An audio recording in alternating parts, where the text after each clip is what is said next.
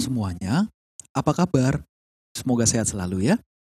Selamat datang kembali di podcast Narasi Dokter bersama saya Dr. Michael, admin dan kreator dari Instagram page yukberkarya.id.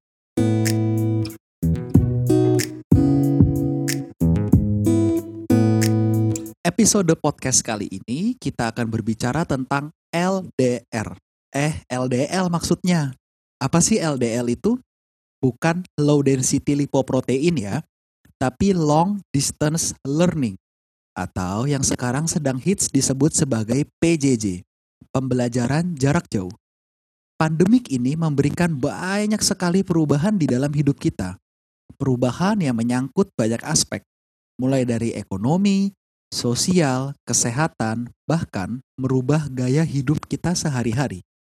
Termasuk di dalamnya adalah perubahan dalam pola pembelajaran.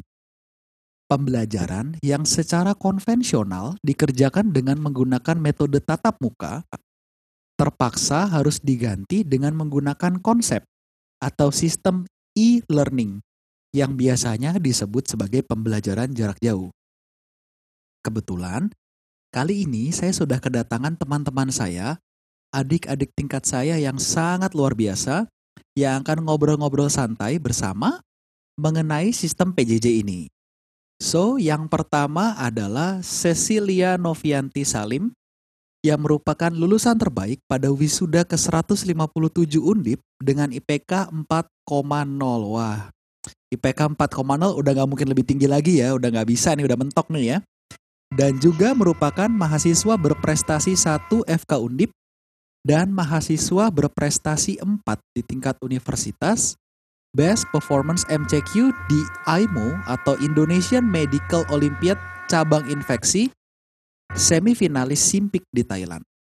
So, Cecil, halo. Halo Kak. Halo, terima kasih ya sudah mau meluangkan waktu, sudah mau hadir untuk bisa mengisi podcast. Iya, sama-sama. Makasih juga udah diundang Kak. Ya. Jadi semuanya perkenalkan, namaku Cecilia, biasa dipanggil Cecil. Um, saat ini statusku sebagai koas atau duta muda di RSUP Duta Karya di Semarang. Happy listening. Oke, okay, thank you Cecil.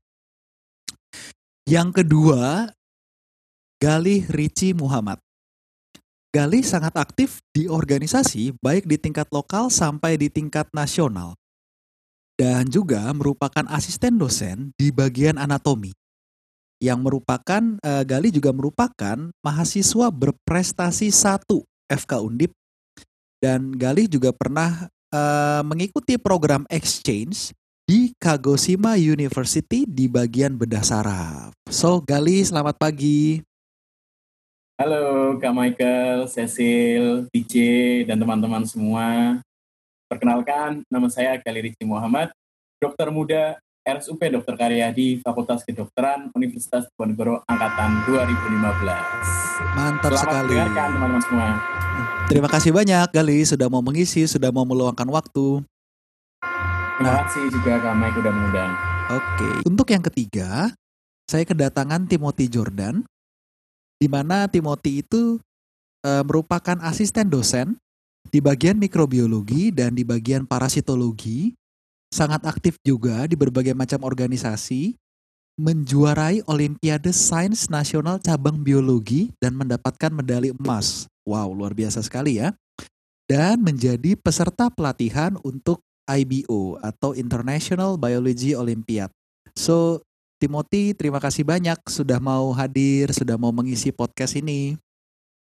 Ya, terima kasih juga Kak Michael sudah uh, mengundang mengundang aku buat masuk ke podcast ini ya. Jadi perkenalkan teman-teman, uh, nama aku Timothy Jordan. Sebenarnya um, aku maunya dipanggil Jordan, tapi teman-teman okay. pada manggilnya Tide, jadi nggak panggil Tide. Terus um, di sini aku sebagai mahasiswa dari Fakultas Kedokteran Universitas Diponegoro angkatan 2017. Salam kenal semuanya. Salam kenal, terima kasih sekali ya. Ah, so dipanggil Jordan saja ya, biar ya, akhirnya so. ada yang nurutin kemauannya. TJ lagi, oke. Okay. So, uh, pada episode podcast kali ini kita akan ngobrol-ngobrol santai, kita akan banyak berbincang-bincang, berdiskusi juga tentang PJJ. Bagaimana sih sebenarnya sistem PJJ itu, bagaimana pelaksanaannya. Mungkin ada yang familiar dengan sistem itu, ada juga yang belum familiar, ada juga yang tidak familiar. Apa sih goals yang ingin dicapai dari sistem PJJ itu? Namun, sebelum sampai ke situ, seperti biasa, di podcast Narasi Dokter selalu diawali dengan mengapa mau menjadi seorang dokter. So, pertanyaan pertama kita mulai Mengapa sih ingin menjadi seorang dokter? Kita mulai mulai dari yang paling senior dulu. Gali, silakan Gali. Ya, terima kasih Kak Mike. Sama-sama. Jadi kalau misalkan ditanya nih, kenapa sih ingin jadi seorang dokter? Yes. Mungkin uh, sebagian orang itu menjawab klise gitu ya. Maksudnya, klise, oke. Okay. Uh, dari awal itu ingin jadi dokter karena cita-cita dari TK. Oke. Okay. Nah, ini aku ingin menjawab juga dengan klise bahwa seorang menjadi seorang dokter itu cita-citaku dari kecil. Tetapi hmm. selama perjalanannya itu yang membuat akhirnya aku menetapkan kaki di Fakultas Kedokteran Undip adalah ketika uh, kebetulan ada keluarga yang meninggal karena suatu penyakit itu, terutama dalam bidang berdasar. Dan okay. itulah yang akhirnya membuat saya untuk terdorong dan ingin menggeluti dalam bidang dokter gitu kamu. Oke, so begitu ya awalnya. Kalau kata Galih nih, kalau kata Galih, jawaban Galih juga klise juga ya. Memang dari kecil iya. kepingin menjadi seorang dokter ya. Mm-hmm. Oke, so yang berikutnya Cecil. Gimana Cecil pengalamannya? Kenapa sih mau jadi dokter? Oke, semoga gak ada yang ketawa ya dengan alasan aku. gak apa-apa. Jadi kalau orang benar sih kata Gali orang tanya pasti biasanya jawabannya itu klise. Yeah. Tapi sebenarnya aku ini masuk FK karena dari kecil tuh aku udah sering apa-apa dengan kehidupan rumah sakit karena papa aku kerja di rumah sakit. Oke. Okay. Jadi aku itu suka dengan lingkungannya, ambience-nya, mm-hmm. gak cuma lingkungan orang-orangnya ya, tapi emang bau rumah sakit tuh aku suka. Oh my goodness, oke. Okay. aku juga tahu tuh jadi, bau rumah sakit tuh, bener. Iya, enak kan? Enggak. Iya, oh enggak, oke okay, okay. setuju. Oke. Aku masuk FK ya karena aku suka dengan lingkungan kayak gitu, interacting with people secara langsung. Mm-hmm. Mm, dan dari kecil kebetulan emang apa ya, gak cuma keluarga aku doang sih, tapi orang-orang tuh teman-teman di sekitar aku juga tahunya aku tuh gak mungkin ambil jurusan lain selain kedokteran gitu. Oke. Oke oke. Jadi memang dari kecil sudah senang, sudah melihat lingkungannya, suka dengan baunya yeah. ya. Which is iya, dan orang very very good dan orang-orangnya senang interaksi seperti itu. Oke. Okay. Sekarang Jordan. Gimana Jordan? Kalau aku Kak itu dari itu aku juga mirip kayak Kak Cecil Kak. Jadi kayak okay. aku tuh dari dari kecil itu emang udah kepengen jadi dokter mm -hmm. karena kebetulan ya enggak kebetulan juga sih karena mamaku itu dokter kandungan gitu Kak. Mm. Jadi kayak dia itu dokter kandungan terus di rumah juga ada kayak praktek sendiri gitu kak jadi hmm. kayak emang udah setiap hari terpapar gitu liatin mama kayak setiap hari praktek terus hmm. terusin pasien gitu kan ya terus akhirnya lama-lama jadi kayak merasa tertarik gitu loh kayak okay. ini uh, ke kayak mau jadi dokter itu kayak ngapain aja gitu terus akhirnya sepanjang dari SD SMP SMA gitu aku jadi kayak ada muncul ketertarikan terhadap kalau kalau SD gitu kan kayak ada sains gitu kan kayak ya. Hmm. Ada kayak mata pelajaran IPA, terus hmm. kalau SMP ya akhirnya aku ke biologi, SMA hmm. juga gitu Kak. Akhirnya sampai pas mau menentukan kuliah apa ya langsung pilih kedokteran gitu Kak. Hmm. Oke, okay, gitu. so memang dari kecil lagi ya. Jadi tiga orang uh, narasumber kita asik narasumber. Pada podcast kali ini memang dari kecil sudah kepingin menjadi dokter ya baik dari Gali dari Cecil ataupun Jordan yang masing-masing punya dinamikanya sendiri-sendiri. Nah pertanyaan berikutnya nih. Kalau dari kecil menjadi seorang dokter apakah di keluarga tuh ada yang punya background orang tuanya? Jangan-jangan dokter juga. Kalau tadi Jordan sudah cerita kan? Lalu eh, ketika ngomong nih ke orang tua pasti ada diskusi dong. Nggak mungkin daftar uh, jalur pendidikan masuk perguruan tinggi kan diam-diam kan nggak mungkin kabur dari rumah gitu kan nggak mungkin kan. Nah itu kira-kira bagaimana tuh respon orang tuanya? Apakah mendukung apa enggak? Apalagi kalau saya baca biografinya Galih itu kalau saya tidak salah orang Tegal ya. Iya. Galih orang Tegal. Cecil orang Jakarta, lalu Jordan orang Sukoharjo kan Solo kan? Orang Solo ya, orang Solo. Betul. Semuanya nggak ada yang orang Semarang nih. Lalu sekolah di Semarang itu jauh dari rumah kira-kira bagaimana? Sekarang kita mulai dari yang paling kecil, Jordan. Eh, jadi kalau aku tuh eh kalau aku milih FK-nya itu kayak udah langsung disetujuin sama itu sih kak, sama orang tua sih kak. Oke. Kan kayak mama aku kan dokter, terus papa aku juga apoteker gitu kak. Jadi Hmm. kayak klub gitulah kak. Oh, kelop. Jadi Oke. begi- ya, jadi begitu aku milih FK gitu, em, udah langsung setuju. Nah, tapi kalau kalau urusan tempatnya di mana itu akhirnya Yes. milih milih undip karena kayak mamaku itu kebetulan dulu itu pas em, dokter umumnya itu Hmm. atau sekolah sarjana kedokterannya itu juga di undip sih kak. Oke. Kayak lebih familiar gitu sama lingkungannya, sama dosen-dosen juga ada beberapa yang juga kenal gitu. Oke, oke, Jadi akhirnya oke. pilih undip juga kak.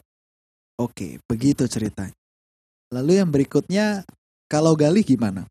Kalau Jordan kan, eh, Mama, saya mau sekolah jadi dokter. Berangkat nak, berangkat gitu kan. kalau Galih gimana? Kalau Galih?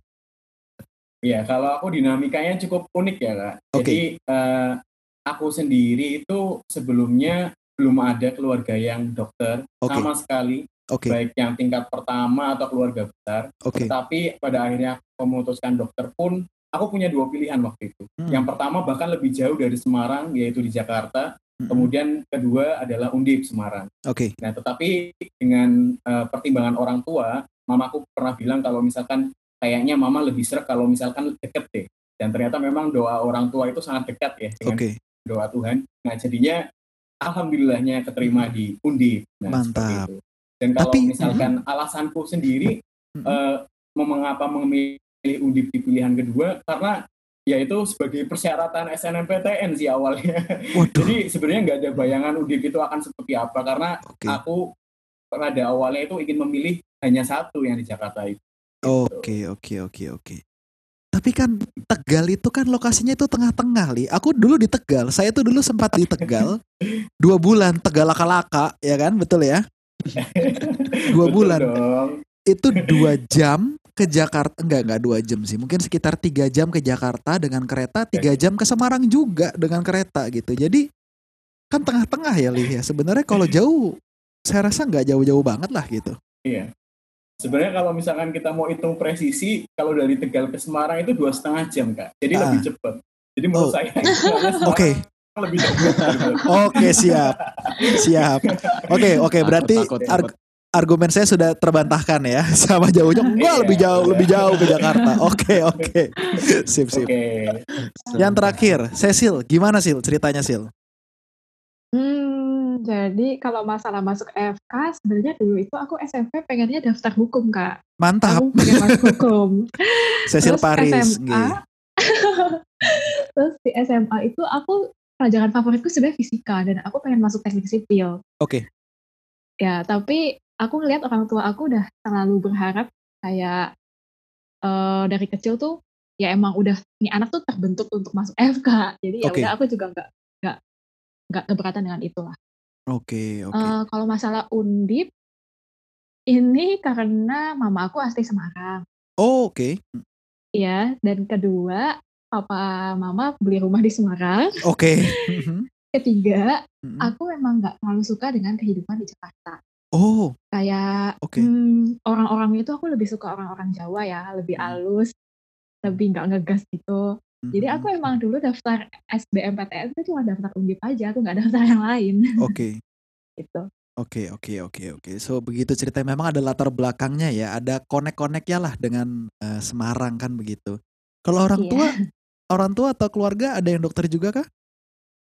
Papa aku dokter, kakak Mm-mm. aku dokter, Oh papa dokter dan kakak. kakak dokter. Oke, so that's why. Iya. Jadi nggak nggak bukan hal yang aneh juga ya. Yep. Oke, sip sip sip sip. Oke, kalau begitu. Nah, sekarang lanjut nih pembahasannya. Yang namanya kuliah di FK kita kan ngerasain kuliah nih eh sebelum masa pandemik sama di tengah-tengah masa pandemik ini ya. Jadi ketika kuliah di FK, pembelajaran di FK nih sebelum masa pandemik ini seperti apa sih tatap muka biasa kan? Bagaimana tuh kira-kira? Mungkin eh, Cecil sama Galih nih bisa cerita gantian untuk dari segi koasnya mungkin di kliniknya. Kalau Jordan saya mau dengar cerita di prekliniknya. Oke, silakan Kak Gali Asik. Oke, kalau misalkan dari aku cerita nih, jadi kan mungkin kalau Cecil itu baru sebentar koas, lalu tiba-tiba ada pandemi, Iya. PJJ gitu ya. Betul. Betul, betul. Kalau kalau kan sempat hampir setahun ya untuk menjalani koas Ngeri sistem yang biasa. Mm-mm. Jadi untuk koas sistem biasa itu eh, menurutku lebih masuk akal karena eh, kita bertatapan langsung dengan pasien, kemudian itu kita juga ada studi kasus, kita Hmm. juga membuat kasus besar. Nah itu jadi kita punya kesempatan lebih banyak di bangsal. Kemudian kita juga punya lebih kesempatan untuk diskusi dengan dokternya secara langsung karena dulu tidak ada batasan untuk ketemu dengan SPV. Hmm. Kemudian juga kita bisa interaksi, diskusi sama teman secara langsung eh, mau pindah stase pun kita juga interaksi kira-kira eh, bagaimana nih stase selanjutnya eh, dinamikanya seperti apa. Jadi menurut saya proses pembelajarannya itu benar-benar lebih ke belajar mandiri dan belajar dewasa yang mungkin itu dicita-citakan oleh pendidikan kedokteran itu sendiri. Kemudian nih ketika datang pandemi di awal mungkin kalau di Indonesia baru di awal-awal Maret ini, nah menurut saya perbedaannya adalah ketika dijadikan PJJ Mm. pada akhirnya kesempatan itu tidak ada ya. Mm. mungkin berkurang terhadap SPV-nya tapi kalau untuk tatap muka terhadap pasiennya tentu tidak ada sama sekali nah itu yang membuat akhirnya keterampilan sangat turun tetapi kita mungkin digenjotnya dalam hal teori yang mungkin juga sudah diberikan pada waktu S1 jadi mungkin eh, ada kekurangan dalam hal eh, hubungan ya bahwa pendidikan koas ini kan harusnya lebih ke keterampilan tetapi malah kita digenjotnya dalam hal teorinya lagi gitu. Oke, itu dari Gali. Kalau dari Cecil gimana nih? Itu kan Gali sudah ngelama tuh. Cecil nih baru nih. Baru Gras Yes. masuk dapat bonus kan? Waduh. Jeber gitu. Gimana Cecil? Sama sih ya, jadi secara garis besar, salah satu pertama aku waktu itu anestesi, yang kedua bedah. Oh, sama kayak Terus- saya dulu. Wah sama. Mm-mm. Pas eh, hari Hamin satu aku mau ke Batang, stase luar, Oke. tiba-tiba ada kabar nih, COVID, udah semua dibatalin. Jadi Mm-mm. ya eh kerasa banget sih bedanya benar kata Kak Gali. Mm-mm. Eh, di- anestesi sama bedah apalagi ya terutama kayak itu kan banyak tindakan. Mm-mm. Begitu PJJ kerasa banget, aduh ini kok jadi kayak teknik lagi. Hmm. Iya sih. Jadi eh kalau untuk koas kan kita percaya koas itu bagaimana men apa mensimultankan bagaimana mengasah kita punya teori yang sudah kita dapatkan di preklinik lalu Betul. dengan klinis pasien seperti ini diagnosanya jadi apa ya sesuai nggak Ya, gitu kan terus terapinya mau diapakan? Kita latihan tangan. Misalkan kayak pasti ada logbooknya kan ya? Logbooknya itu harus terpenuhi tuh berapa kali intubasi berapa kali RJP ya kan? Iya kak. sayangnya sayangnya intubasi RJP begitu-begitu kan tidak bisa ya kita kerjakan secara Oh. PJJ ya. Nggak bisa online ya.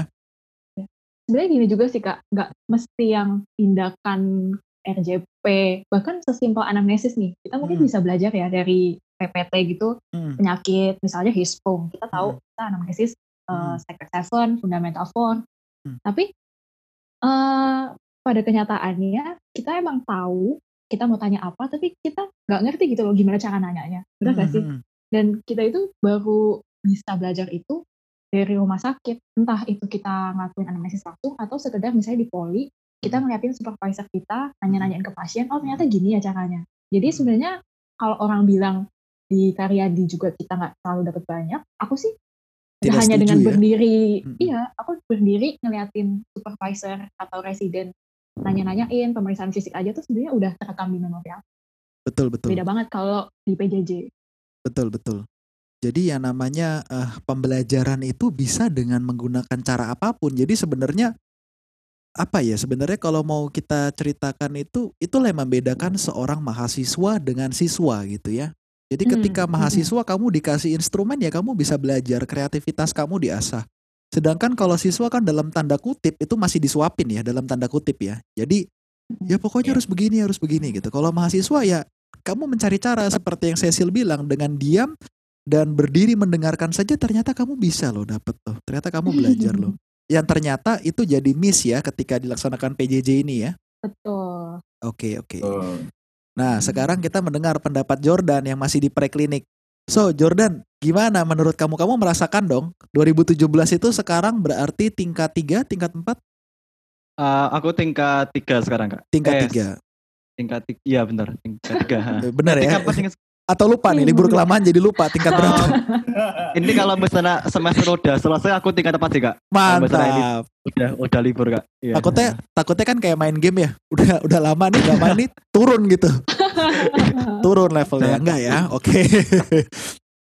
so, Jordan, kamu boleh ceritakan gak sih bagaimana bedanya sistem pembelajaran kamu di preklinik dan eh, sebelum terjadi pandemik dan during selama terjadi pandemik ini?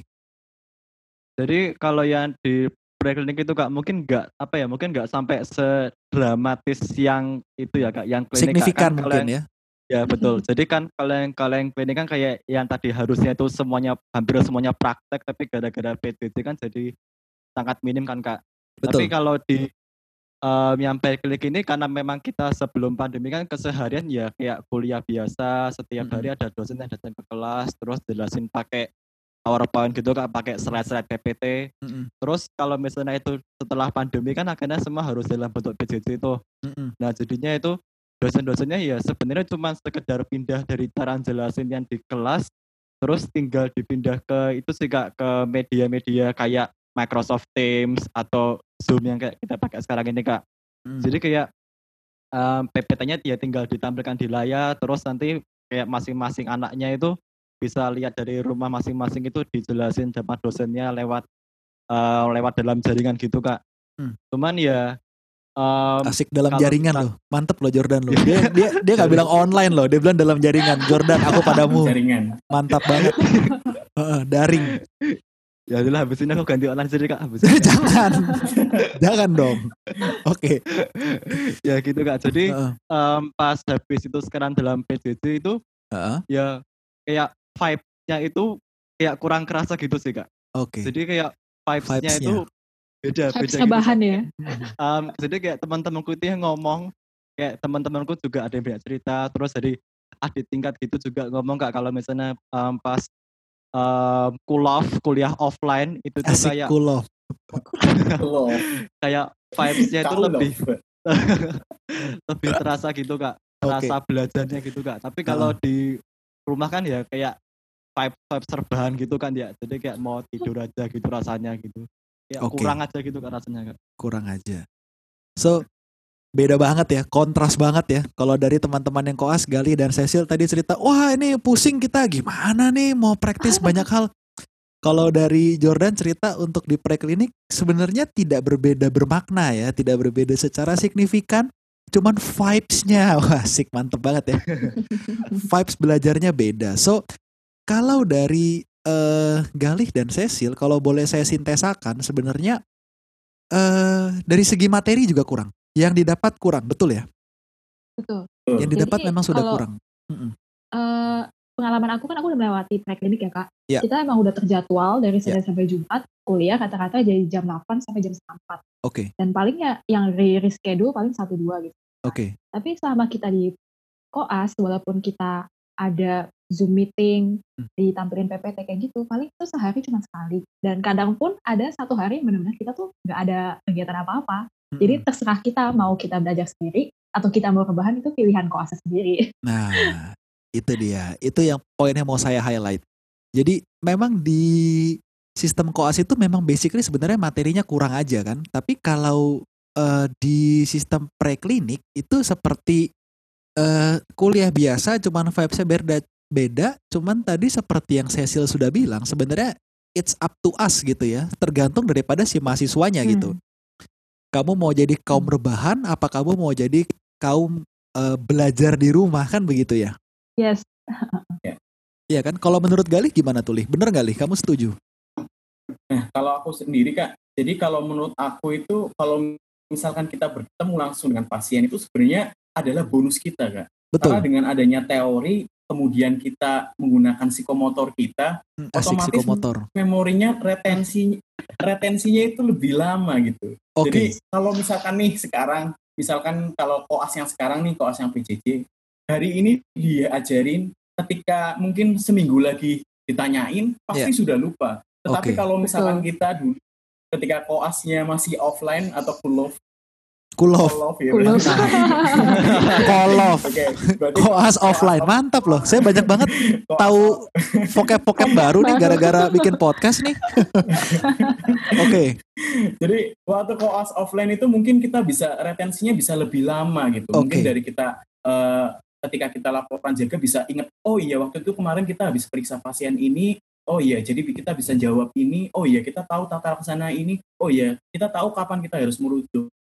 Nah sistem Hmm. komprehensif itu yang akhirnya nggak ada ini sekarang di offline karena eh, Di online mungkin. pertama materi pemberian materinya juga jarang karena SPV-nya juga punya kesibukan masing-masing Iya. dan kemudian karena ketiga ya psikomotor kita nggak jalan jadi Betul. retensi memorinya tentu lebih Betul, betul, betul. Percaya atau tidak, saya 100% agree dengan apa yang dikatakan oleh Gali karena benar sekali ya. Jadi dengan kamu hands on ya, dengan kita melakukan hands on, kita periksa pasien gitu ya. Bahkan ketika saya ini sedang internship juga kalau pegang pasiennya itu kita ingat loh dan kalau kita penasaran kita akhirnya nyari kan. Kita jadi mencari, eh, Iya. kenapa sih Ya, kok pasien dengan CKD hiperkalemi ya? Kan jadi begitu. Yang kalau di buku tulisannya cuman komplikasi CKD hiperkalemi kan begitu beda ya jadinya ya. Betul, betul. Jadi kita mencari, jadi kita belajar lebih. Nah sedangkan untuk eh, Jordan, kalau Jordan merasa sebenarnya nggak beda banyak, cuman apa nama vibes-nya beda. Nah tapi vibes itu pengaruh banyak nggak sih dengan retensinya? Apakah tetap sama gitu? Menggunakan psikomotor gimana Jordan?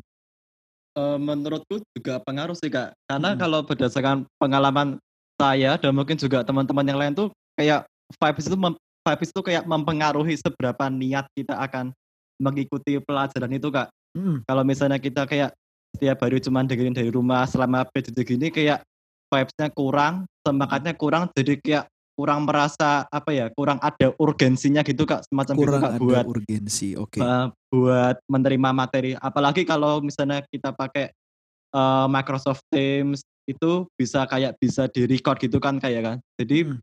bisa aja tuh kayak kalau dalam kasus kalau dalam worst case-nya itu uh, lagi kuliah tapi orangnya itu cuma nyalain laptop atau nyalain komputer gitu terus nyalain Microsoft Teams-nya tapi dianya sendiri tuh kayak rebahan gitu kan ya. Exactly, Ya, meskipun exactly. Iya, jadi kayak tampaknya itu online tapi sebenarnya dia lagi nggak belajar gitu kak. Yes. Hmm, betul. Itu, itu sangat bisa kak.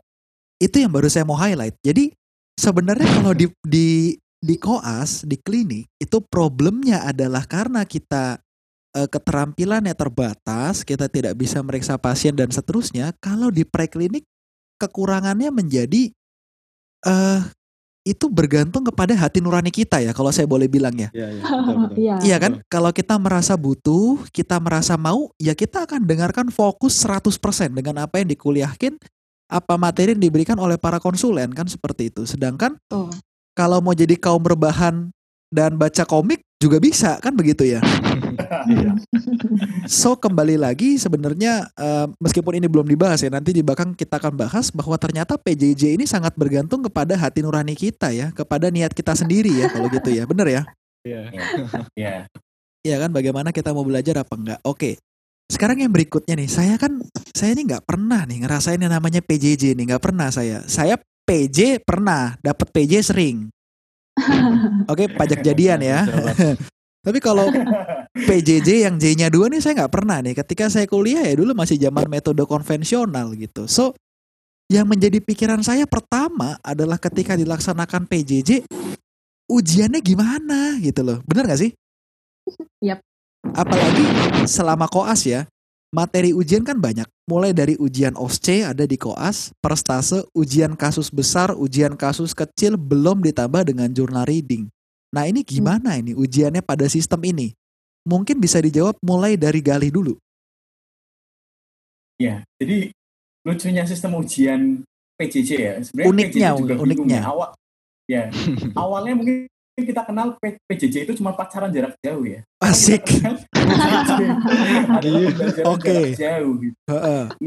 kalau penilaiannya sendiri kak jadi yang sempat aku alami itu Jadi kita one on one sama SPV-nya secara langsung, Hmm, kemudian kita pakai presentasi kasus besar. Oke. Yang kasus besar itu pun bayangan kak. Jadi Oke. kasus besar itu sudah disetting bagaimana perjalanan penyakit secara ya secara Teoritis. teorikal gitu. Mm-mm. Iya, tetapi kita kan pasien itu kan eh, masing-masing ya individual ya. Jadi Betul. kita eh, nggak belajar dari segi situnya. Bagaimana problem solvingnya ketika pasien ini ternyata beda manifestasi klinisnya itu kita nggak belajar. di situ. Terus yang paling lucunya lagi adalah ketika OSCE itu kita hands on-nya ke boneka. Nah, Oke. itu dia. Jadi ke boneka lalu kita membuat video, kemudian kita membuat tutorial, bisa boneka, bisa teman kita sendiri. Mm. Cuma menurut saya sendiri karena dari awal hands on-nya kita nggak dapet, jadi ketika pembuatan video itu pun akhirnya mengalami retake berulang kali. Jadi bagaimana supaya kita bisa sesuai dengan teori. Mm-mm. Jadi kita pola pikir nalar kita untuk pemeriksaan fisik itu nggak jalan ketika Mm. kita melakukan OSCE-nya itu. Gitu. Kita hanya uh, menyesuaikan dengan checklistnya aja gitu. Padahal kan Hmm. kalau misalkan kita biasa OSCE di akhir nih untuk ujian, kita kan biasanya ingat recall memori waktu kita ketemu pasien di mana ya seharusnya. Nah itu mungkin bisa lebih baik daripada hanya cuma menghafal. Karena kan nanti kita jadi dokter kan uh, thoughts-nya itu juga harus thoughts yang per individual masing-masing gitu kan. Hmm, Oke, so mungkin kalau dibilang tidak belajar sama sekali itu nggak tepat juga ya, lebih ke arah belajar yang ideal ya, Hmm. Iya. belajar Jadi, yang so, ideal uh, secara kalau teoritis ya. Iya, jadi kalau misalkan eh, ya ini tergantung koasnya lagi masing-masing. Apakah eh, bisa menggali informasi atau materinya itu di rumah Oke. secara mandiri atau Oke. tidak gitu. Kembali Oke. lagi kayak TJ maupun Cecil bahwa eh, ternyata ya ada juga koas atau misalkan mahasiswa S1 yang nyalain Teams ternyata dia tidur gitu. Nah itu Oke. sebenarnya bergantung lagi kepada koasnya. Apakah seberapa jauh dia mau menggali informasi atau materinya dan mau menonton mungkin video-video tutorial. Oke. Oke, kira-kira dari Gali seperti itu. Nah, yang berikutnya kita dengar coba kalau dari Cecil. Gimana nih ceritanya Cecil? Kalau soal ujian sih, sejujurnya aku baru ujian satu kali Kak selama PJJ ini Oke. di stase gigi mulut. Karena sistemnya kita 50% online, 50% nanti kita balik di rumah sakit dan sekalian ujian. Oke. Tapi aku karena gigi mulut kan cuma dua minggu, jadi habis Hmm. itu langsung ujian. Hmm. Waktu itu sih sistem ujiannya aku ditampilin gambar manifestasi klinis gigi gitu dan kita Hmm. disuruh buat odontogram ya. Mm-mm. Jadi menurut aku Odontogram. nggak terlalu berpengaruh banyak kalau Mm-mm. itu. Mm-mm. Terus tadi benar sih yang kata Gagali. Sebenarnya kita bisa untuk explore misalnya video-video YouTube itu kan banyak ya tutorial untuk hands on. Mm-mm. Tapi aku mikirnya gini sih.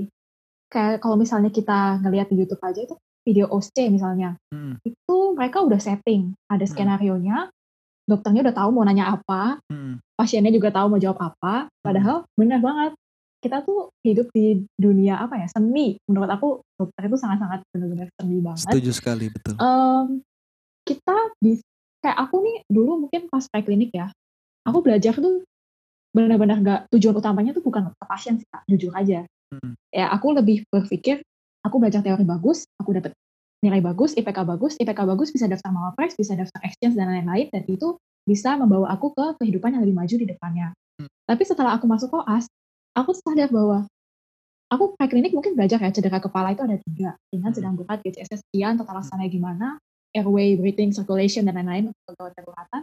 Hmm. Tapi begitu aku jaga IGD, terus ada pasien nih datang habis Hmm. kecelakaan ketabrak kereta, Bingung kan? aku benar-benar have no idea aku harus Ah. ngapain duluan. Sebenarnya aku tahu kayak ini Hmm. aku tuh harus ngapain tapi ini bahkan barang-barangnya aku ambil di mana gitu tuh aku bingung gitu. Oke. Dan itu yang membuat aku jadi insecure PJJ kayak gini kita nggak ketemu pasien kita nggak bisa ngelihat at least observe jadi observer aja tuh kita nggak bisa kan ngelihat Mm-mm. residen ngapain gitu kita Mm. cuma benar teori teori dan teori padahal yang aku udah realize bahwa teori ini tuh nggak cukup banget dari preklinik walaupun tiga setengah tahun Mm-mm. gitu kak Oke, oke, oke, oke. So, eh apa ya? Jadi benar sekali ya sebenarnya yang dikatakan Gali dan dikatakan Cecil bahwa di dalam dunia kedokteran itu penting tidak hanya teori, tapi penting untuk kita bisa memahami skill ya. Contoh, kita kalau ngambil cedera kepala itu kasus berat. Contoh yang sederhana, the fans muskular. Pernah nggak kita megang pasien defense. Kalau nggak pernah pegang, kita nggak tahu loh ini pasien perutnya distended saja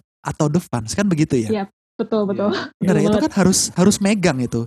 Jadi ketika ditanyakan dan diagnosisnya jadi beda banget antara meteorisme saja perutnya kembung atau ini peritonitis which is emergency ya kalau dibedah ya. Mm-mm. Iya, iya. Iya kan dengan dengan touch itu kita bisa tahu oh ini defense nih kan gampang seperti itu. Kalau pengalaman saya ketika internship ini adalah eh, teman-teman ingat ya yang namanya algoritma ACLS ya kalau henti jantung mulai ini berikan cek setiap dua menit begitu ya. Iya. Kadang Iya, ketika kita melaksanakan kita belum pernah ngelakuin pun saya juga sempat cengok Kagok. ada momen cengoknya waduh atau belum nih gitu kan eh epinefrin sudah saatnya masuk vaskon atau belum nih? Kapan diberikan dobutamin? Kapan diberikan dopamin? Kapan kita masuk amiodaron? Jadi ah, di kedokteran penting sekali seperti yang saya Sil bilang bahwa dokter itu adalah art and knowledge ya. Kita ketemu semua Oh. di situ ya. Oke, itu tadi kalau cerita koas. Sekarang kalau ujiannya preklinik gimana? Jordan, coba Jordan nih. Jadi kalau yang preklinik itu em, kita itu kalau kan ini kan aku masih pakai sistem modul kan kayak ya. Jadi Iya, kayak Dari dulu juga masih modul nggih. Iya sih, iya sih. Nggih. kayak satu modul itu ada enam minggu, nah Siap. terus em, kayak eh, dalam beberapa periode gitu ada ujiannya gitu kak, Oke. gitu. Kalau kayak yang adik tingkat gitu, mereka tuh bisa kayak em, kalau modul kemarin yang adik tingkat tuh bisa kayak dua dua hari sekali itu ada ujiannya gitu kak, kayak setiap sorry sorry kayak ada setiap hari itu ada ujian gitu kak. Setiap Ya, hari ya. ada ujian. Ya jadi kayak kuis gitu kak. Setiap Waduh. hari malamnya Mhm. ada dua kuis itu kalau adik tingkat sih kak. Mm-mm. Tapi kalau yang di angkatanku gini mungkin gara-gara faktor dosen juga mungkin karena sibuk atau nggak tahu lah. Jadi kayak lebih jarang gitu kak ujiannya kak. Misalnya kayak yang modul yang aku ini barusan yang modul 63 itu tentang tentang geriatri kak. Mm-mm. Itu tuh kayak kita itu mungkin gara-gara dosennya semua jadi kayak sibuk ngurusin covid di Kanada gitu kak. Jadi Klinisi kayak juga kan. Mm-mm. Ya betul. Jadi ngurusin ujian juga repot. Akhirnya semua kuis-kuisnya itu ditumpuk di minggu akhir gitu kak. Jadi kayak minggu minggu yang terakhir itu kayak yang hari Senin ada kuisnya ada materi ini aja. Terus habis itu hari Rabu ada ini ini, ini sampai nanti hari Jumat ada ini, ini itu nah kayak udah dijadwal. Habis itu ntar kalau udah dijadwal gitu udah ditentuin juga jamnya gitu kak. Misalnya nanti em, kayak jam 7 malam biasanya paling sering itu jam itu malam sih kak kayak jam Hmm. 7 malam nanti Hmm. semua disuruh buka eh, disuruh buka website pulon undipnya gitu kak. Mm-mm. habis itu disuruh ngerjain soal dari situ terus juga dikasih waktu juga gitu-gitu. Tapi itu juga ada drama juga sih kak. Misalnya kayak em, pelaksana itu diundur tiba-tiba. Jadi kayak udah udah nyiapin banyak nih kak. Udah kayak siap mental pengujian gitu kak. Terus tahu-tahu ah diundur gitu. Waduh. Mantep loh. Kalau dulu Kayak saya los. bersuka cita loh diundur loh. Yes diundur gitu. kayak los aja gitu kak rasanya Oke. kak So eh kalau zaman dulu kita ngerasain tuh ada yang namanya ujian CBT ya. Masih nggak sih sekarang sistem CBT? Oh, Masih, kan? masih masih masih masih ya Masih ya. Nah kalau sistem CBT itu selama PJJ ini berarti jadi online dong, online CBT benar nggak? iya betul Iya. Yang tadi Benar. Jordan bilang ya bahwa online Iya. CBT dengan di websitenya kuliah online begitu kan? iya betul Nah sekarang Jordan, sistem CBT kita itu kita datang masuk nih ke dalam lab komputer, benar ya waktu itu di lantai satu iya dulu. betul Itu komputer ajaib banget. Kenapa ajaib banget? Karena satu, kita yang namanya buka Microsoft Word aja ketahuan. Selain tidak ada Microsoft Word di situ ya, tapi maksud saya kalau kita buka program, kita main angkatan saya tuh, saya ceritain angkatan saya itu memang lucu. Masa lagi ujian ada yang main soliter, spider soliter lagi. Mungkin waktunya udah habis kali ya. Itu kan dua tuh, jago banget, udah selesai. Tahu udah nggak tahu lagi mau di siapa kan begitu ya. Itu ketahuan. Nah, saya yakin kalau kita menggunakan jaringan internet pasti sulit dong untuk memantau. Dan iya tidak menutup kemungkinan loh. Google ah, gitu kan. Gampang banget sih kak itu. Tata laksana abortus iminen, gampang banget ya kan. Iya benar. Iya, langsung iya. keluar, opsinya langsung keluar semua tek tek tek tek tek gitu kan bisa dikerjakan dong, bener nggak? Itu bahkan Iya. bukan cuman ujian sih kak. Kayak Nah. sebatas kemarin aku lewat kita ada laporan jaga. Mm-mm. Jadi kita ikut meetingnya tiap pagi Mm-mm. dan aku ngeliat sendiri banyak yang ditanya-tanyain sama SPV itu tentang ya kitanya Hmm. juga ditanyain. Nah Mm. tapi matanya itu udah kelihatan ada contekannya gitu. Nah, menurut aku, menurut aku ini sangat apa ya? Jadi esensi belajarnya agak kurang sih. Jadi nggak Kan beda dapat ya. ya. Heeh, kalau kita di rumah sakit ditanyain, kita pasti udah prepare duluan dong di rumah. Ah, hafalin lah, hafalin. Mm-mm, Tapi kalau kayak gini kan dikit-dikit kita bisa tinggal Google, bisa buka buku di samping. Wah, Mm-mm. beda banget lah. Betul betul betul. Saya saya setuju nih dengan apa yang Cecil bilang. Dalam arti begini loh. Eh ada hal yang kita harus paham konsepnya, ada hal yang kita boleh lihat. Contohnya apa? Contohnya eh, saya ini bukan orang yang anti nyontek gitu, tapi saya anti membodohi diri sendiri. Contoh apa? Hmm. Nama-nama obat. Contoh kita punya obat ya. Kita punya generiknya ini, tapi generik ini mereknya apa, sediaannya berapa aja itu kan gak usah kita hafalin, bener nggak? Itu Iya, bisa kita googling tuh, ya kan? Hmm. Benar. generiknya berapa apalagi harganya berapa itu kan bisa kita googling tapi kalau untuk hal-hal yang tadi Cecil bilang pembelajaran itu kita jangan jangan kita googling gitu loh. Ketika laporan jaga kita sudah mempersiapkan apa yang mau ditanyakan tapi ketika ditanya kita masih tidak tahu itu kan ajang pembelajaran sebenarnya bener nggak? Betul. Betul, betul. kita ditanya kita tidak tahu. Setelah ditanya kita tahu kan begitu? Mm-mm. jadi sebenarnya begitu. nambahin dikit sih, Kak. ah ya cerita. Gali. Ini aku senang sekali nih Mm, Jadi aku mau nambahin dikit. Jadi sebenarnya selain mungkin kalau ujian itu ya mungkin kita bisa nyontek kalau di online ini ya. betul Tapi sebatas kayak misalkan ditanya dosen di sepanjang kuliah gitu contohnya. Mm, mm, Itu pun padahal pertanyaan itu memicu critical thinking kita gitu. Pertama Betul. critical thinking dan logical thinking kita. gitu. betul Jadi selain kritis ya logis gitu. betul Jadi benar kata Kak Mike tadi, konsepnya itu harus dapat dulu. Kalau misalkan ketika ditanya dosen, kemudian ditanya tentang materi anatominya atau fisiologinya, tetapi Hmm. kita masih buka HP, kemudian kita masih saling eh, nimbrung di grup lain, koas mungkin ngasih tahu jawaban. Itu artinya tidak ada proses evaluasi dalam Betul. diri kita gitu. Jadi kita Betul. nggak bisa tahu salah kita di mana gitu. Contohnya Betul. mungkin aku ada pengalaman dikit ya, pengalaman dikit kayak waktu itu pernah aku di stase interna itu datang pasien asma eksaserbasi akut. oke Nah kemudian waktu itu aku karena kurang kurang belajar mungkin ya, jadi kurang sigap juga. Mm-mm. Nah akhirnya aku ditegur sama residen. Mm-mm. Kamu kalau misalkan sudah tahu lakukan aja nggak apa-apa. Berani Mm-mm. ini tuh proses gawat apa kegawat darurat kamu harus belajar di sini. Mm-mm. Nah dari aku dibilangin seperti itu, aku menjadi pribadi yang oh lebih berani kalau misalkan aku mengambil keputusan gitu. Jadi betul itu sangat berdampak sekali bagi pembelajaran seorang dokter itu sendiri. Betul. Betul. Toh in the end eh, yang menguji kamu itu bukan nilai. Guru-guru kamu itu tidak Pasien. pernah menguji kamu. Yang menguji kamu adalah pasien. Betul Iya. banget. Secara gamblang kalau kita jaga di IGD pasiennya hidup atau mati kan begitu. Kalau hidup outcome-nya setelah dipegang kamu jadi better, semakin baik atau jadi worse, semakin buruk kan begitu toh? Iya. Iya. Jadi eh, itu Setuju, mungkin yang saya bilang ya in the end ya. Saya tuh eh, saya tuh paling anti membodohi diri sendiri. Jadi kalau kita memang merasa bahwa butuh nih ilmu ini, ya kita harus belajar yang baik. Tadi seperti Cecil bilang, Gali bilang, Jordan bilang, silahkan aja kalau mau nyontek mah. Pasti para guru kita juga tahu lah bahwa eh, ada kan tindakan-tindakan seperti itu. Tapi itu kan jadi membodohi diri sendiri ya kalau begitu ya. Iya. Iya. Ya kan mungkin ujian lulus nilainya bagus gitu. Tapi kalau ditanya tadi Gali cerita, waduh bingung juga nih kita mau ngapain nih karena tadi ya Hmm. tidak dalam eh, psikomotornya nggak main di situ ya. Benar. Oke oke oke Ingatnya oke. cuma pada saat kita baca contekannya doang. Besok-besok Betul. lupa. Contekan ditutup lupa. Iya. Iya. Karena udah di luar kepala tuh. Heeh, Contekannya di luar kepala dalam saku.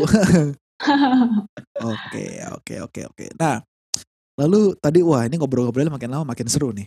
So, kalau prosedur ujian online tuh kira-kira tuh gimana sih? Jadi kita online di saat jam bersamaan. Kalau koas gimana tuh ceritanya tuh kan pasti ada MCQ kasus besar tadi katanya one on one dengan eh, konsulen ya satu satu dengan satu gitu ya sambil berdiskusi tapi kan ujiannya lebih dari kasus besar aja kan lebih dari OSCE dan kasus besar kan begitu kalau kayak gitu gimana tuh mungkin Cecil sama Galih mau cerita tuh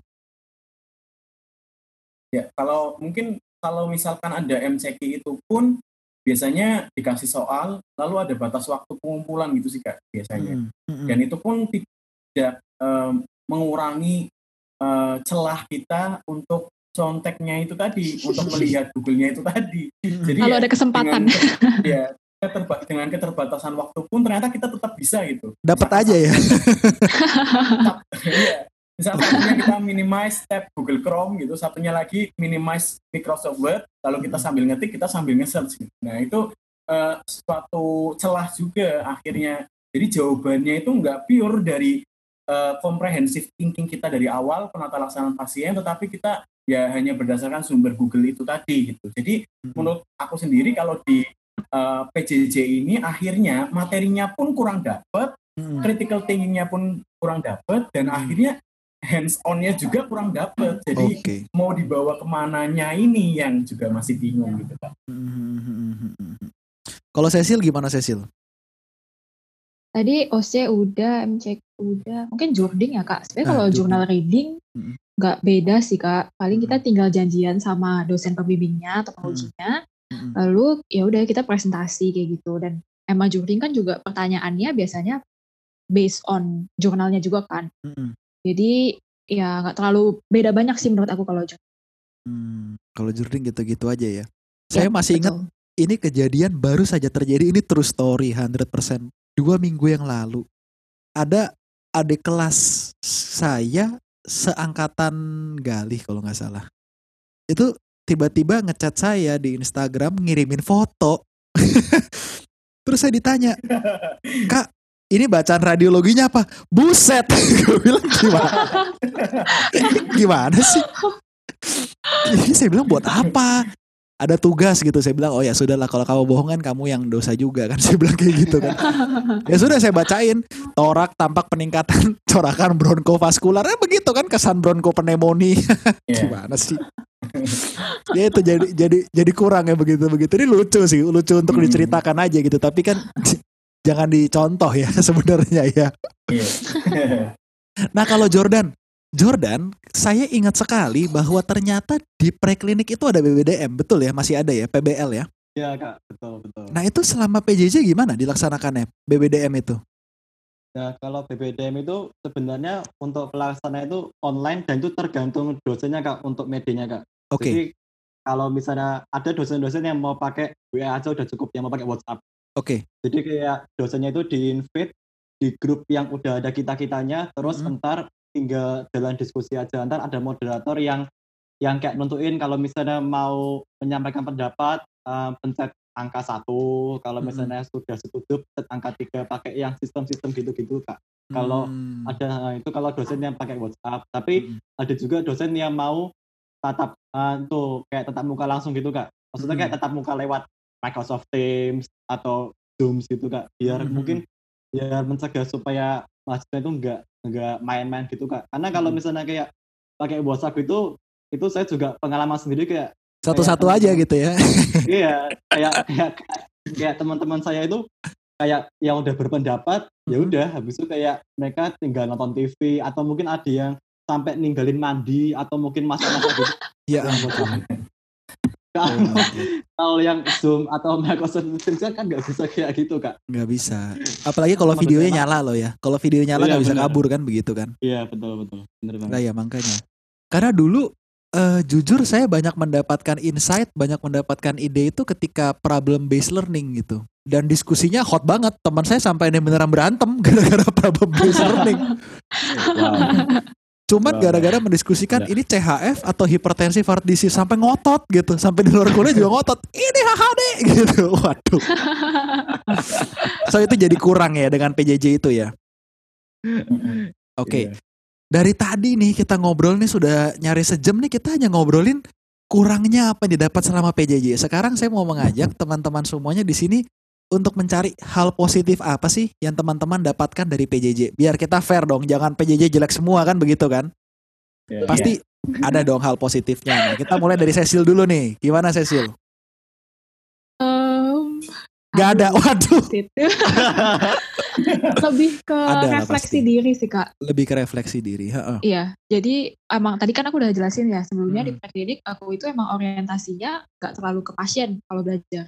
Mm-mm. Jadi itu aku anggapnya kalau kita belajar sekarang serius ya nanti akan mengikuti lah hasilnya. Mm-mm. Nanti kita akan jadi dokter yang baik. Tapi kemarin jujur ya ini aku mau sharing sih. Jadi anjing Boleh. aku itu baru mati. A- apa Terus, gimana? Anjing aku baru mati. Turut berduka. Iya. Dan matinya itu karena leptospirosis. Ya ampun, terus? Terus ceritanya itu minggu pagi dia nggak mau makan dan lain-lain. Mm-mm. Sorenya dibawa ke dokter hewan, tapi namanya anjing baru sakit sehari nggak mau makan, sama aja kayak orang gitu loh. Orang Hmm. hari pertama demam, nggak mungkin orang udah dikasih antibiotik, dikasih suntik ini gitu kan. Paling masih simptomatis, kasih paracetamol gitu. Hmm. Eh, akhirnya hari Senin didiemin, dan ternyata ada perbaikan sih kata orang rumah. Aku nggak tahu Hmm. kan itu mereka yang lihat. Mm-mm. Hari Selasa, eh aku nggak dapet kabar, nggak dibilang ada perburukan atau perbaikan. Mm-mm. Terus tiba-tiba hari Rabu itu aku pagi-pagi mau jalan siang ditelepon sama kakak aku. Kakak aku yang biasa tinggal di Serpong kebetulan lagi balik ke rumah Mm-mm. dan dia bilang tiba-tiba anjingku udah nafas cepet, getar-getar, kayak udah kritis banget gitu lah. Waduh, Langsung dibawa ke dokter hewan. Mm-mm. Waktu itu dokter hewan yang ada eh, labnya segala macam. Oke. Tapi baru sampai sana, baru diinfus bentar dan dikasih oksigen sama perawatnya. Waktu dokter hewannya ngecek, udah gak ada nafas. Nah, aku sebenarnya cerita kayak gini em, karena aku mendapatkan suatu pembelajaran. Mm-mm. Jadi misalnya kita selama ini eh, tulis yang IPDX, IPRX, IPFX itu kan nggak tahu kan. Mm, mm-mm. Nah itu pasti kita ada tulis cek tanda-tanda vital lah, eh, evaluasi lab darah ulang dan lain-lain. Dan ternyata itu tuh penting. Jadi menurut aku kalau misalnya orang rumah lebih bisa mengevaluasi dia, itu udah jelas banget loh kata dokternya matanya kuning misalnya. Terus mukosanya udah kuning, ekterik, sebagainya. Kalau kita lebih realize bahwa itu gejala perburukan dan kita lebih sigap, kita bisa life saving. Mm-mm. Jadi yang aku dapat di PJJ itu kayak keinsecurean, tapi sekaligus refleksi juga bahwa ya kita belajar dengan keterbatasan, tapi kita harus ingat juga nanti kita tuh tanggung jawabnya besar Mm-mm. untuk keselamatan pasien. Apa pun yang kita lakukan itu eh, akan berdampak buat mereka. Hmm. Oke, so di PJJ Cecil mendapatkan meskipun insecure tapi mendapatkan refleksi diri ya bahwa uh, Iya. this is a very serious business gitu ya. Heeh. Oke, oke, oke. Nah, itu dari Cecil. Sekarang dari Gali. Gimana, Li? Kalau dari dari aku sendiri, mungkin PJJ itu ibaratkan sebuah pilihan meskipun tidak efektif, tapi terbaik dari yang terburuk. Oke. Jadi kenapa aku bisa bilang seperti ini?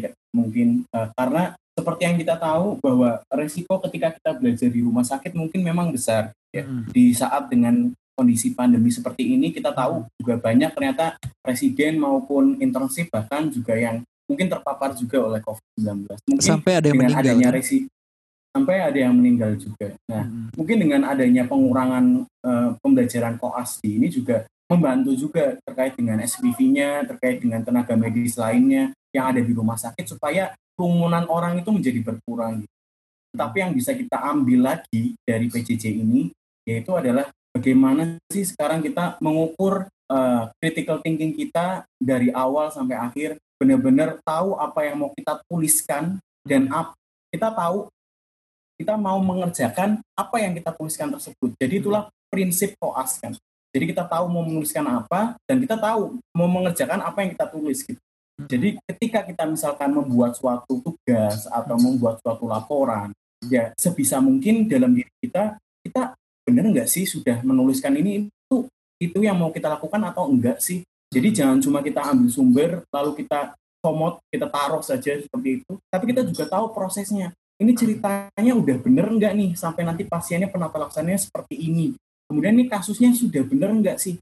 Maka dari itu kenapa mungkin beberapa saat di PJJ ini aku selalu menanyakan kriteria rujukannya seperti apa dok? Kriteria rujukannya seperti apa dok? Karena aku membayangkan dari dokternya awal ngomong sampai itu bahwa oh ini ternyata bukan kasusnya 4A misalnya contohnya seperti itu. Nah itu berarti harus ada kriteria rujukan yang kita perlu rujuk bukan merupakan kompetensi kita karena di teori itu kan nggak ada batasan kita harus tahu semuanya tapi kita nggak tahu batasan kapan kita harus merujuk nah itu Betul. akhirnya mungkin bisa diperdalam di sisi itu gitu kan mungkin itu Oke, so hal positif yang eh, Galih dapatkan adalah bagaimana eh, sadar kompetensi begitu ya. Iya benar. Secara teori ada things that uh, need to know harus diketahui, ada yang nice to know cukup tahu aja kan begitu ya. Iya benar. Benar sekali kak. Itu uh, pepatah yang sangat benar sekali. Benar ya. Ada yang nice to know, ada yang need to know. Seperti kasus-kasus emergency yang kompetensinya besar untuk kita 4A ya kita nggak boleh miss gitu loh. Iya nggak boleh Untuk- miss. Emergensinya Benar. ya kan. Paling tidak Hmm, sampai untuk stabil emergency. baru kita kirim kan begitu ya. Ya. Nah, kalau dari Jordan, Jordan dapat hal positif apa selama PJJ ini? Em, tadi aku juga itu sih kak sama aku juga setuju sama yang diomongin sama kak Galih. Jadi PJJ ini meskipun tadi kita semua udah membahas banyak mengenai hal negatifnya, tapi ini sebenarnya merupakan eh, metode terbaik di antara yang terburuk itu kak. Jadi di saat kita tuh PJJ kita eh, yang mungkin sebenarnya kalau misalnya tidak ada internet kita tidak bisa ngapa-ngapain kita nggak bisa belajar tapi dengan adanya internet dengan adanya PJJ tuh masih bisa dimungkinkan belajar gitu kak secara online meskipun dengan segala bentuk keterbatasannya yang gitu-gitu kak Mhm. terus em, tambahnya juga sih kak kalau kalau misalnya kayak PJJ gitu kalau menurut pengalaman saya sendiri itu em, dibandingkan dengan kuliah offline yang pakai jadwal-jadwal gitu kak itu Hmm. kalau dilihat di jadwalnya itu banyak yang kelas-kelas pagi yang harus jam 8 atau sekitar itu atau mungkin bisa lebih pagi lagi kalau misalnya dosennya rajin gitu kan yang bisa bisa disuruh datang jam 7 itu mungkin juga masih ada tapi kalau kalau saya lihat dengan sistem PJJ kayak gini itu Hmm. kayak banyak eh, sisi positifnya itu terutama bagi kaum kaum yang em, sisi positifnya itu terutama bagi kaum kaum yang itu Kak. kaum kaum yang kayak suka tidurnya begadang terus bangunnya siang itu kak karena karena kalau yang di PJJ itu banyak banyak banyak jadwal yang yang pas em, pagi hari itu dipindah ke siang harinya atau bahkan ke malam hari gitu kak Mhm. jadi kayak bagi orang-orang seperti itu, ya jujur sebenarnya saya juga seperti seperti itu sih kak sebenarnya kak. Oke. Jadi ya lebih, ya itu sisi positif yang benar-benar aku bisa rasain kak. Dari Itu lebih kenyamanan. convenience ya. Kita bisa bilang Iya. jadwal lebih convenience ya. Iya betul. Fleksibel juga. Lebih fleksibel, betul. Ya betul. Tapi sebenarnya kalau kita membahas PJJ, PJJ itu kan bukan hal yang baru ya buat kita di FK itu itu bukan hal yang baru dalam arti begini, mungkin dari tahun-tahun lalu, tahun-tahun sebelumnya itu kan sudah sering tuh ya namanya webinar-webinar lalu disiarkan gitu kan, tapi sebatas konferensi kan seperti itu ya. Ada Mm. news Right. update disiarkan secara online di salah satu media sosial, let's say di YouTube kan begitu kan. Cuman eh kalau yang saya tangkap bedanya itu dengan PJJ sekarang adalah ketika kita ikut konferensi kita sudah punya prior knowledge, betul ya? Jadi Betul, betul, Kita sudah- sudah tahu sesuatu ya. Kita ketika kita berangkat nih misalkan Galih datang ke konferensi nggak mungkin Galih tiba-tiba datang nggak tahu juntrungannya ngomongin tumor gitu kan nggak mungkin kan begitu. Galih sudah punya prior knowledge, sudah punya basic materi sebelumnya. Jadi ketika datang ke sana, you just sit and then you listen for new updates, hal-hal baru yang kamu belum tahu kan begitu ya? Iya, benar. yang jadi eh ternyata begini ya oh ternyata di eh, breast cancer itu ada reseptor kepada steroid namanya steroid reseptor gitu. Oh itu kan kita baru tahu kan seperti itu. Nah kalau PJJ kan enggak dalam tanda kutip baik sih kalau kita sudah punya suatu prior knowledge cuman saya juga anak FK kan dulu kita semua anak FK yang ada di sini kita tahu bahwa prior knowledge saya itu lebih banyak di bidang PUBG misalkan dibandingkan dengan bidang bidang kuliah bener nggak kita kan bercerita seperti itu kan. Iya, iya. ya kan mungkin teman-teman ada pendapat nggak untuk statement ini untuk cerita ini gitu Eh, dan kalau misalnya kita konferensi yang benar-benar offline gitu, datang ke hotel misalnya, seminar, kan itu Mm-mm. biasanya biayanya juga mahal gak sih kak? Jadi Betul. kita bayar sesuatu emang karena kita minat banget tentang hal itu biasanya. betul betul Beda kalau misalnya kita webinar, betul banyak yang free Mm-mm. atau bayar paling ya lima puluh ribu, Betul. ribu gitu. Jadi ya kita bayar aja untuk dapetin ilmu, tapi kalau kita bosan ya kita tinggal-tinggal aja gitu. oh gratis gitu kan bener ya Sil ya betul, betul. bener ya benar benar benar benar benar juga sekali benar sekali tapi dari sisi baik juga kita bisa ngelihat bahwa eh PJJ itu jadi menekan harga jadi orang-orang yang kadang keberatan pergi ke conference dengan apa namanya ada harga yang mahal mungkin jadi lebih murah jadi lebih bisa menjangkau Iya. gitu iya kan uh, affordable. kalau Galih gimana ceritanya Galih Kalau menurut aku sendiri kan, kalau misalkan kita membicarakan terkait dengan ininya ya, seminarnya, kalau Hmm. misalkan seminarnya berubah jadi webinar itu kadang interaksinya satu arah gitu kan. Oke Jadi kadang yang mungkin maksud maksud aku gini, mungkin kita bisa bertanya gitu ya lewat Hmm. chatbox atau resen, tetapi interaksinya itu kurang dalam gitu kan. Mungkin Mm-mm. kalau misalkan kita bisa menatap langsung gitu, kemudian Hmm. eh, mungkin bisa bertanya secara langsung, Mm-mm. itu lebih mudah teringat karena kan memori kita itu kita juga tahu visual kita jalan, kemudian kita audio kita jalan, kemudian kita tahu kasus yang kita tanyakan apa, kemudian jawabannya apa, Hmm. sehingga ada jawaban di situ. Tetapi ketika kita webinar gitu misalkan, Hmm. nah itu biasanya kita hanya menanyakan dan biasanya pertanyaannya pun sebenarnya sudah ada di PPT gitu ya. Jadi biasanya ditanyakan pun mungkin karena kurang mendengar atau koneksinya yang buruk. Jadi ada beberapa variabel-variabel yang akhirnya di luar kontrol kita gitu pertanyaannya. gitu. Mm-mm. Jadi eh, ya menurut aku dari segi kekurangannya sih seperti itu. Cuma aku setuju kak tadi eh, maksudnya kita kan eh, membicarakan terkait dengan webinar itu sendiri. Kita ketika kita datang seminar itu memang harus punya prior knowledge. Mm-mm. Itulah bedanya dengan kita kuliah online gitu. betul Kalau kuliah online ya kita harus mau menerima informasi apa yang akan diberikan gitu. Tapi kalau misalkan seminar kita harus mencari yang mau kita tuju tuh apa sih gitu. Nah, kalau Betul. kulon kan tidak bisa seperti itu. Kita harus menerima semuanya. Nah, mungkin yang bisa membedakan adalah bagaimana tadi ilmunya. Apakah ini need to know, apa ini nice to know gitu. Betul. Jadi itu yang nanti kita perdalam sendiri nanti berikutnya bahwa oh ternyata ini need to know nih harus tuntas. Nah, itu yang perlu kita dalamin supaya nanti ketika kita mungkin kembali lagi ya ke Karyadi Hmm. harapannya akhirnya kita nggak terlalu ketinggalan gitu koasnya bahwa kita tuh eh, bisa melakukan tindakannya sesuai dengan ilmu need to know-nya tadi. Mm-mm. betul betul Gitu, Kak. Atau mungkin Galih bisa saja ya hal-hal yang menurut saya itu nice to know karena Galih punya passion di situ itu jadi need to know buat Galih gitu ya Iya, bisa juga. bisa juga kan gitu Bisa juga, Kak. bisa juga Jadi kalau Heeh.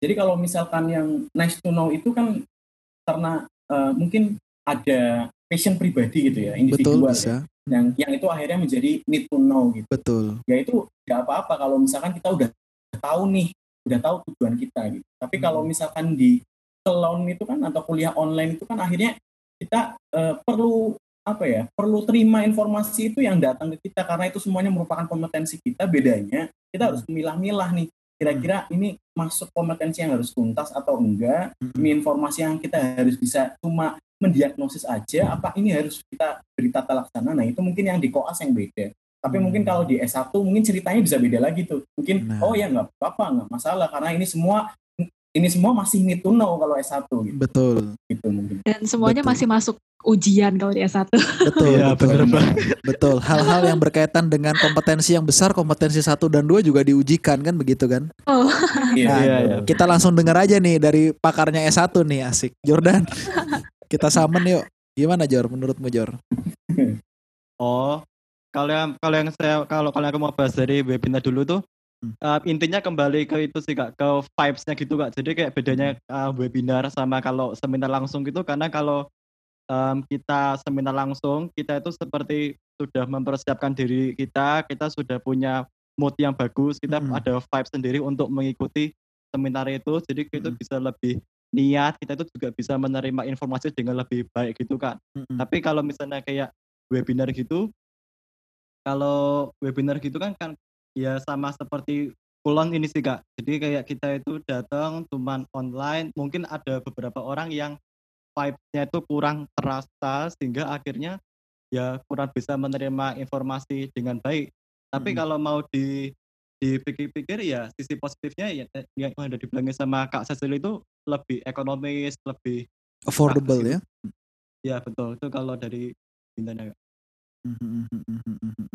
Lalu tadi Galih kan tadi ada ngomong tuh gimana kalau di anak S1 kan semua need to know kan begitu toh Ya kalau ya sih kak kalau kalau yang di S1 tuh kayak yang kita pelajari jadi kayak itu kayak diberikan semua materi itu kak mau yang dari kompetensinya satu sampai Hmm. kompetensi empat. Jadi dari yang kompetensi yang kita cuma sekedar tahu aja Mm-mm. sampai yang kita harus sampai hafal sampai tata laksananya gimana. Nah itu dan itu semua itu kak keluar dari ke- keluar di ujian kak. Mm-mm. Jadi kayak kita mau nggak mau harus menelan semua itu kak. Mau nggak mau sih.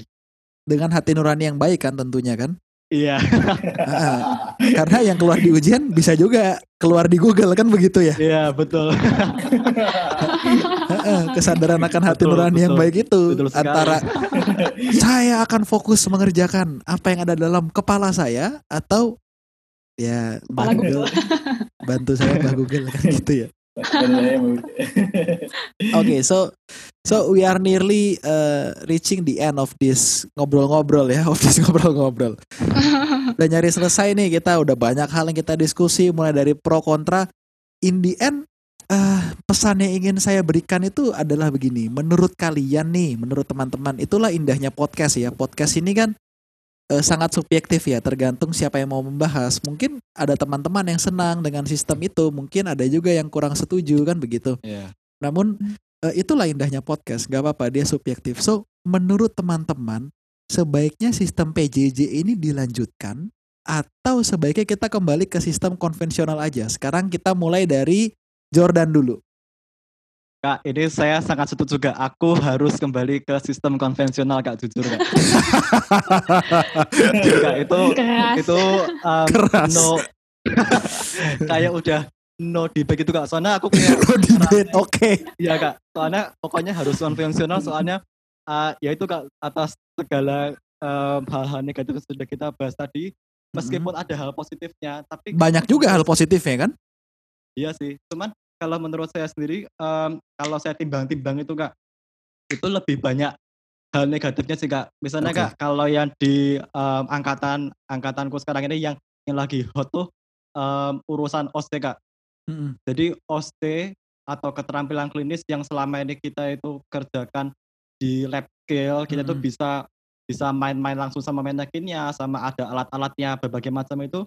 Sekarang itu em, pas mulai modul kemarin itu mulai PJJ, akhirnya kita pakai alat seadanya gitu kak. Jadi kayak kita itu penilaian KKD-nya itu dari rumah masing-masing, Oke. terus juga bikin alat sendiri-sendiri tuh kayak adik kayak adik kelas saya ada yang lucu gitu kak kayak misalnya em, pemasangan pipa nasogastrik atau orogastrik itu ya berhubung ya siapa yang punya gitu loh kak kalau di rumahnya masing-masing jadi ya mereka pakai alat-alat buatan misalnya mungkin pakai sedotan atau pakai apa gitu kan lucu-lucu gitu kak Masuk Aneh-aneh sih. gitu kak iya sih terus kalau yang misalnya kayak saya itu Heeh. yang angkatanku ada KKD vaksinasi itu Ah. kalau kalau jarum sih aku masih punya kak itu bekas dari dari tahun lalu tapi Aduh. kalau misalnya kan Heeh. kan kalau em, di keterampilan klinis langsungnya kan ada menekin kayak lengannya atau Iya. mungkin pahanya bisa disuntik tapi kalau sekarang PJJ ya ya pakai spons kak mau mau Oh. gimana lagi kak Jangan pakai pahanya orang tua ya, jangan ya.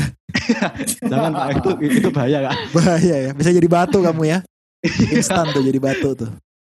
Nah itu kak, terus itu udah dari em, pelaksanaan keterampilannya, terus Mhm. ini kak ujiannya kak, ini itu juga masih bingung kak, ini mau ujiannya itu online, terus harus pakai mekanisme seperti apa ini juga masih belum jelas, juga dosen-dosen juga masih belum briefing gitu kak. Kayak Mhm. nanti em, aku tuh nanti ujian tanggal 16 sampai 16 Juli, tapi itu ntar briefing satu angkatan itu baru tanggal 13 Juli gitu kak.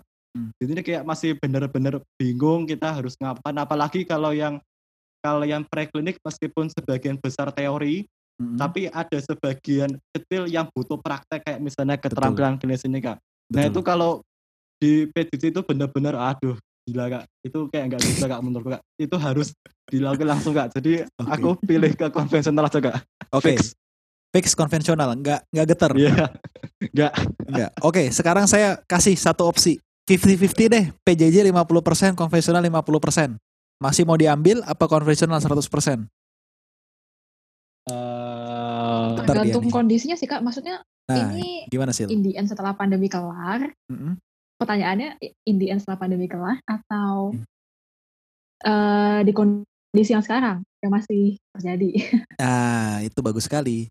Jawabannya adalah in the end setelah pandemi kelar. Kita mostly akan kembali ke konvensional. Tapi PJJ ini menurut kalian mau 50-50 atau dihilangkan sama sekali? Eh, kalau menurutku sih kak PJJ itu mungkin masih perlu kalau dosennya itu benar-benar nggak bisa datang di tempat itu kak. Oke. Jadi misalnya ada misalnya misalnya ada jadwal ngajar dari dosen X gitu, tapi pas hari hanya itu beliau itu lagi lagi ada di luar kota atau mungkin di luar negeri.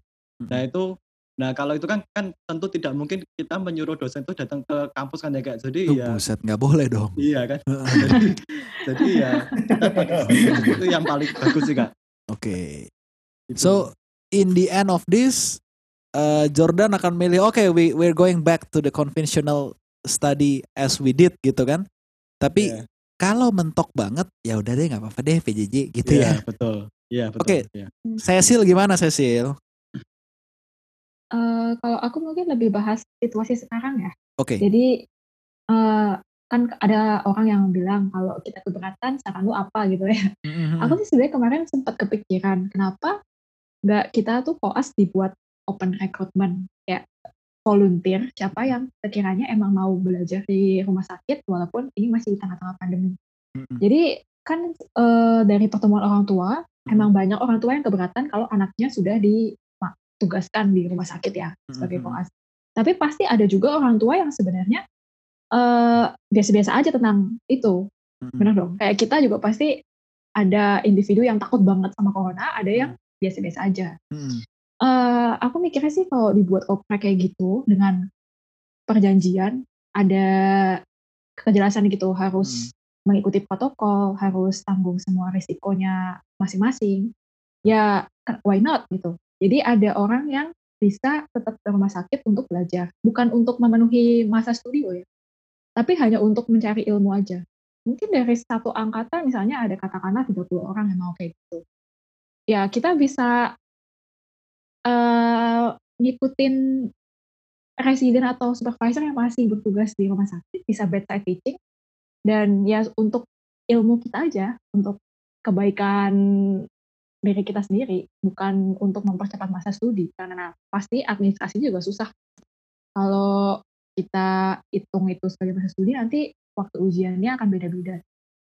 Betul, itu yang baru saja saya mau bilang. Tapi untung Cecil bilang bahwa tidak berpengaruh terhadap masa studi ya. Jadi orang yang mau PJJ dengan orang yang mau ke masuk ke rumah sakit ya akan selesai sama gitu ya, kira-kira ya. Ya, betul. Heeh. Cuman bedanya ini orang emang mau belajar ilmunya atau enggak. Hmm, tapi kan belajar ilmu Iya. tidak harus ke rumah sakit kan? Bisa saja dengan PJJ itu juga belajar ilmu kan? I mean ilmu prakteknya sih, Kak. Oke. lebih. So more of a hands on gitu ya. Yes.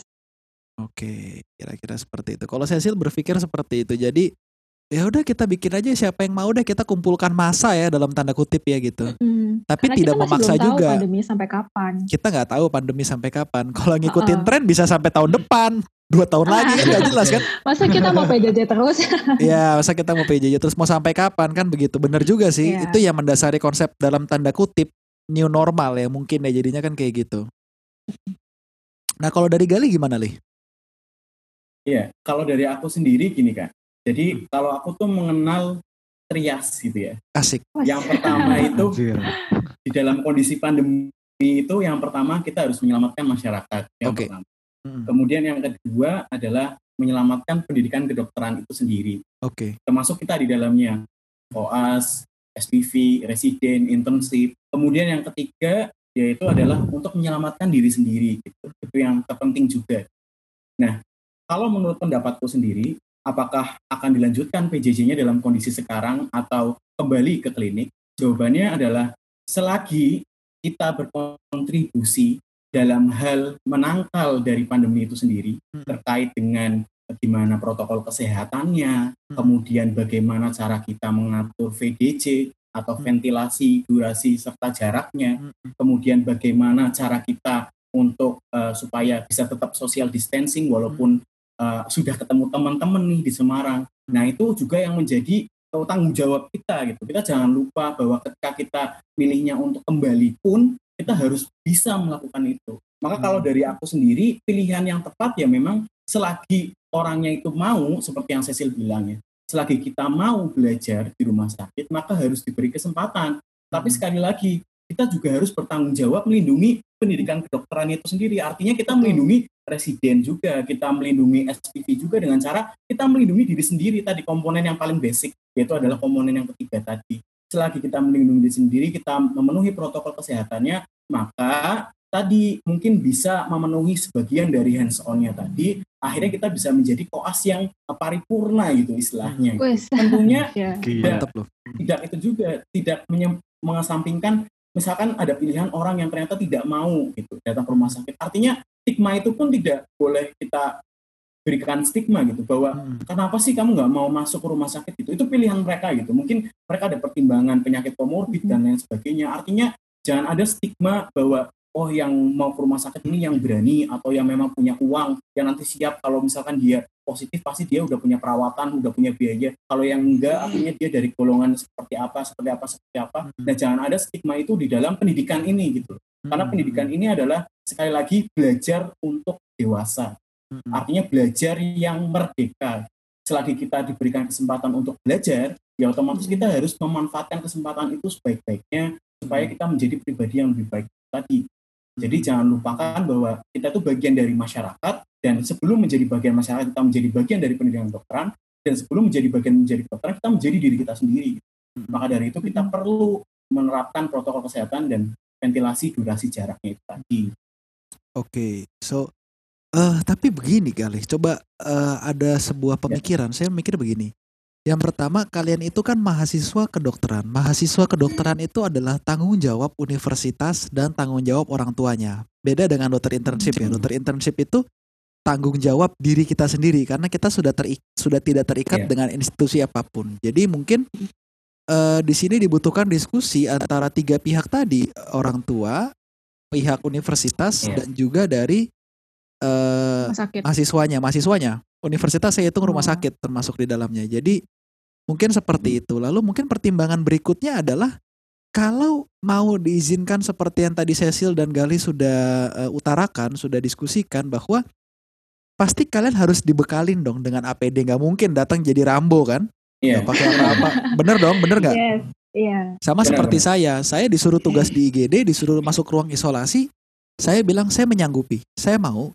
Tapi tolong saya jangan jadi Rambo dalam arti kita pakai masker Benar. N95, saya pakai hazmat yang cuma kelihatan matanya kan seperti itu kan.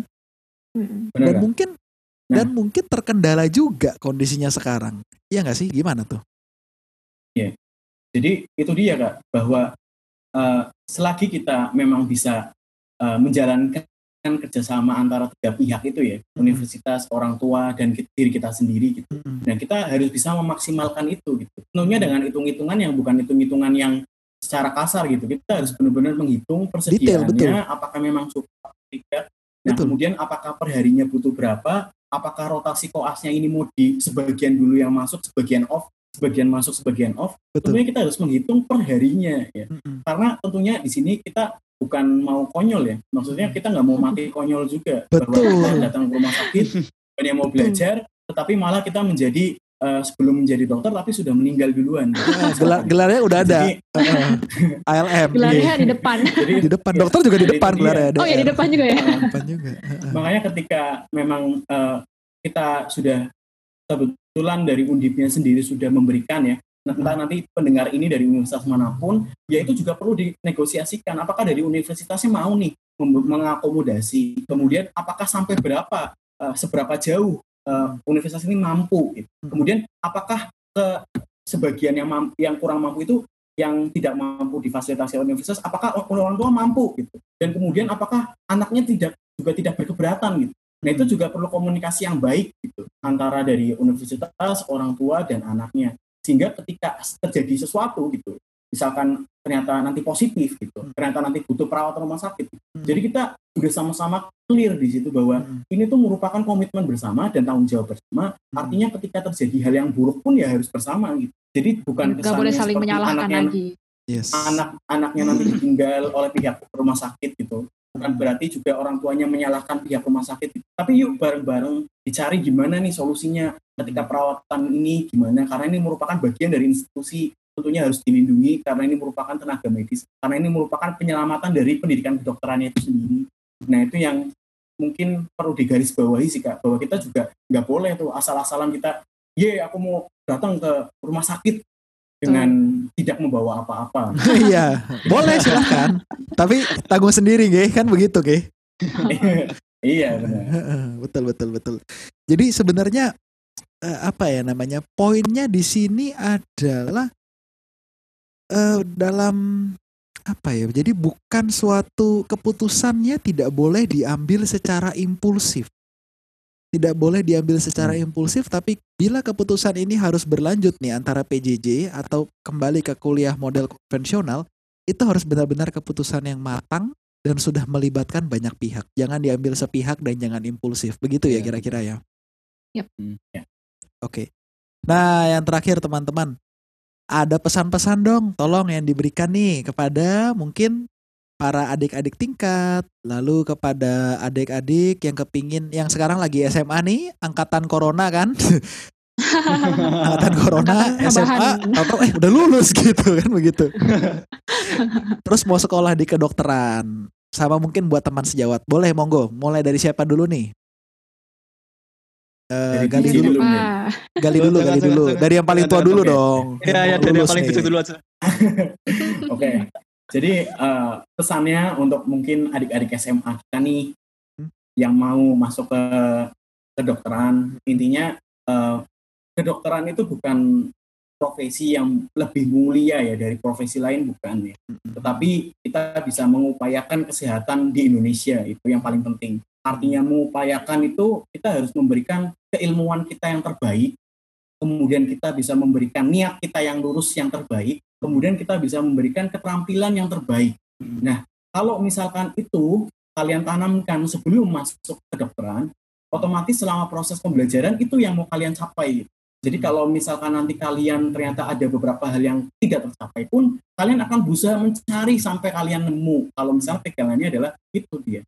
Nah, jadi eh, harapanku kepada adik-adik yang mau masuk ke mahasiswa kedokteran, yuk mari kita bareng-bareng jadi teman sejawat yang bareng-bareng, yang saling mendukung, yang saling mengupayakan kesehatan di Indonesia. Karena sekali lagi kesehatan di Indonesia itu tidak melulu soal eh, praktek gitu ya, tidak melulu soal biaya uang gitu yang kita dapatkan, tetapi juga keilmuan. Apakah kita sudah update? Sejauh apa kita berkontribusi untuk keilmuan kita gitu. Itu yang perlu kita garis bawahi bahwa dokter itu belajar sepanjang masa, tapi jangan lupa dokter itu juga memberi ilmu sepanjang masa gitu, Hmm. karena merupakan pendidik di tengah masyarakat. Jadi itu eh, pesanku untuk adik-adik mahasiswa, adik-adik calon mahasiswa kedokteran. Untuk Hmm. pesanku untuk eh, teman-teman sekarang nih yang mungkin sedang menjalani pandemi, eh, teman-teman apa yang teman-teman rasakan itu sudah semua orang rasakan. Jadi bukan cuma teman-teman yang merasakan, tentu mungkin ada yang lebih berat, ada yang mungkin terasa biasa saja gitu ya. Itu dinamika orang per orang. Tetapi yang ingin aku garis bawahi di sini adalah jadilah eh, pelindung di tengah masyarakat. Artinya kontribusi sekecil apa pun yang kalian lakukan itu membantu di tengah pandemi ini. Ketika kalian memang tidak ada kebutuhan untuk keluar atau kebutuhan untuk ketemu orang banyak, sekali selagi itu bisa dihindari, mohon untuk dihindari karena sekali lagi pandemi ini tidak akan usai kalau tanpa kerja bareng nih. Kita tidak bisa melulu eh, menuntut pemerintah untuk kerja X, Y, Z, tetapi kalau dari kitanya sendiri sebagai masyarakat tidak nurut atau bandel gitu ya. Hmm. Nah, itu yang perlu kita garis bawahi bahwa kita bagian dari Indonesia gitu. Nah, aku percaya setelah eh, keluar dari pandemi ini kita semua akan menjadi pribadi yang lebih dewasa. Artinya bahwa ternyata kita sudah menyadari pendidikan kedokteran itu sangat menjadi tonggak utama di dalam eh, stabilitas masyarakat selain ekonomi dan hal-hal lainnya. Oleh karena itu, mari kita dukung bareng-bareng. Ini bukan cuma kerja dokter, ini bukan cuma kerja perawat, ini bukan cuma kerja dari rumah sakit, tetapi ini kerja bersama. Jadi itu pesan dari aku. Terima kasih. Terima kasih Gali. Cecil, gimana Cecil? Kayak udah dihajar semua sama Kak Gali. Waduh, ya. ada dong. yang, yang belum yang belum diajar ada dong. Eh, mungkin aku lebih menyokoti apa yang aku dengar di belakangan ini. Jadi banyak adik kelas yang curhat. Jadi mereka itu kesulitan lagi menjalani skripsi, tapi mereka nggak bisa penelitian Mm-mm. karena nggak bisa ke Karyadi, nggak bisa ke NSND kayak gitu. Terus ada Aku juga beberapa teman aku yang teman-teman SMP SMA, jadi seumuran sama aku, tapi Hmm. mereka belum wisuda. Sedangkan kita yang angkatanku di Undip kan udah pada wisuda ya dari Hmm. Januari kemarin. Nah, aku cuma mau ngingetin aja sih. Jadi apa yang kalian lihat di sosial media, ada orang posting udah pada semhas, udah pada wisuda, jangan sampai itu menjadi pressure buat kita masing-masing. Mm-mm. Eh, kita punya apa ya istilahnya pace atau langkah kaki. Jadi saat kita berjalan langkah orang itu beda-beda. Sama Mm-mm. dari jaraknya, kedua dari kecepatannya. Mm-mm. Tapi yang mau kita tuju kan sama. Mm-mm. Jadi gak usah terlalu khawatir orang lain lebih cepat. Yang penting kita udah do apa yang jadi maksimalnya kita gitu. Hmm, dan penggunaan sosial media kan sekarang di masa pandemi pasti jadi over ya. Mm-mm. Gara-gara gak ada kerjaan rutinitas lain. Mm-mm. Ya penting banget buat ngingetin teman-teman jangan sampai kita jadi insecure karena melihat kehidupan di sosial media itu so much perfect, so much better than us. Hmm, kayak sesimpel ada orang yang misalnya ngepost ada buku, lagi baca buku di kafe, samping ada Hmm. kopi. Itu seems so perfect lah. Tapi Mm. ya harus diingat bahwa mereka ngepost kayak gitu emang itu yang ingin mereka tunjukkan ke orang banyak dan belum tentu kehidupan mereka di aslinya lebih baik. Jadi Hmm. jangan sampai merasa tertekan karena udah mulai banyak ya angka-angka yang peningkatan orang-orang stres, depresi. Mm-mm. Jadi itu penting sih buat kita di masa pandemi ini. Itu sih kak. Oke, so penting untuk menjaga kesehatan mental. Lalu yang Yes. meningkat itu adalah angka penggunaan sosial media sama angka kelahiran dan kehamilan. Nah, itu meningkat tuh. Nah, udah jelas tuh hiburannya tuh, nggih. Iya, iya. aja. Main catur, maksud saya main catur. Kamu berpikirnya catur. macam-macam Oh, iya, nih, iya. dokter-dokter Oh, iya, ini iya, nih. Main catur. Main catur, maksud saya main catur, main kartu gitu loh. Kan sehat, nggih. Iya, iya. Jordan, yang terakhir Jordan, gimana? Ya, jadi ini aku mau ngomong em, terutama untuk yang adik tingkat gitu Kak. Jadi sama seperti Kak Siti itu aku juga dapat beberapa curhat sama omongan dari adik tingkat, terutama karena di sini aku eh, tahun lalu itu menjadi asisten dosen eh, mikro dan Hmm. parasit. Hmm. Jadi terus udah kayak sering bergaul dengan adik tingkat gitu kan. Asik. Jadi iya, jadi aku juga Koko-koko hebat gitu itu- ya. Mantap. Aduh. Jadi aku kayak eh, punya koneksi yang lumayan deket lah ke, ke Mantap, nggih. ya. Terus jadi kayak aku dapat gitu ya. menerima dapat banyak surat gitu kak misalnya Heeh. terutama dalam hal belajar gitu sih kak Mm-mm. jadi kayak misalnya kayak eh, kak kok aku kok, em, gimana caranya supaya bisa niat belajar terus gimana caranya supaya bisa eh, apa ya jadi asdos yang baik atau benar atau semacam gitulah kak nah terus em, yang aku mau tekankan gini sih. Kalau misalnya em, kamu itu em, kamu tuh harus apa ya harus mencari niatku kamu tuh harus mencari apa yang kamu percayai kamu tuh harus mendapatkan motivasi dan kamu tuh harus bekerja keras atas motivasimu itu. Karena Mm-mm. kayak aku tuh mendapatkan misalnya kayak banyak dari mereka itu yang eh, bahkan tidak tahu apa yang eh, apa yang mereka sukai gitu loh apa yang Mm. mereka percayai misalnya kalau kayak aku sendiri itu aku pribadi itu percaya bahwa untuk sekarang ini ya Kak, karena dalam karena aku juga masih mahasiswa preklinik aku tuh percaya bahwa aku itu em, kayak harus belajar keras terutama dalam hal akademik ya supaya aku itu bisa me- supaya dasarku itu bisa kuat untuk nanti bisa menjalani koas-koas dan lain sebagainya gitu kak jadi Mm-mm. kayak emang selama aku preklinik ini aku tuh banyak mengejar hal-hal yang sifatnya akademik. Misalnya kayak jujur aja sih kak. Misalnya kalau misalnya kalau sebelum ini saya ikut ada ikut lomba-lomba gitu kak. Itu Mm. saya kayak liburan gitu saya juga belajar gitu kak. Terus pokoknya pokoknya aku tuh berusaha mengisi waktu luang yang ada itu dengan sebaik-baiknya. Nah terus itu kayak adik tingkat itu pada bingung kok bisa seperti itu kak. Nah itu aku mau jawabnya karena kamu itu punya itu sih punya kayak apa yang kamu percayai. Jadi Hmm. kamu tuh bisa mengerjakannya dengan penuh sukacita. Kayak kamu tuh mengerjakannya dengan penuh passion. Biasanya itu kayak mereka itu tidak tidak tidak bisa seperti itu karena bahkan mereka itu tidak mengerti apa yang mereka percaya sehingga mereka itu mengerjakannya malas-malesan. Misalnya kayak mereka itu belajar itu jadi kayak kurang ada niat kurang ada motivasi karena mungkin Mm. karena mereka itu tidak menemukan em, apa ya apa arti penting dari belajar itu sendiri? Atau mungkin mereka itu tidak memiliki em, hal-hal di lain belajar yang bisa mereka usahakan sebagai wujud passion mereka? Karena karena aku karena aku sendiri juga paham sih kak. Tidak tidak mungkin semua anak FK itu passionnya belajar. Hmm. mungkin ada yang bisa bermain musik atau mungkin ada yang bisa bermain basket. Nah itu merupakan kayak itu kayak bentuk-bentuk contoh um, apa ya niat yang bisa kamu kerjakan supaya nanti kamu itu bisa apa ya menjadi unggul gitu kak. Mm-mm. Jadi kayak yang penting itu kamu tuh ada punya niat, kamu tuh ada punya passion, terus Hmm. kamu bisa bekerja keras di situ kak. Berarti kamu bisa menjadi orang yang wow gitu atau smart gitu kak. Itu kalau dari aku kak ini buat ada di tingkatku kak terutama. Oke, oke, oke, oke. So kalau boleh saya simpulkan ya dari hasil ngobrol-ngobrol kita yang ah, luar biasa menarik ya, luar biasa hot banget ini ini kalau nggak dilanjutin nih bisa sampai jam 5 sore nih kayaknya nih. Simpulannya ada beberapa. Yang pertama adalah eh, kita menghadapi pandemik ini sebagai satu keluarga. So sebagai satu keluarga yaitu keluarga bangsa Indonesia. Kita menghadapi pandemik ini bersama. Tidak ada orang yang berjuang sendiri-sendiri. Kita berjuang sesuai dengan kemampuan kita. Seperti yang saya pernah katakan di podcast yang sebelumnya bahwa eh, setiap orang berjuang sesuai dengan bisanya.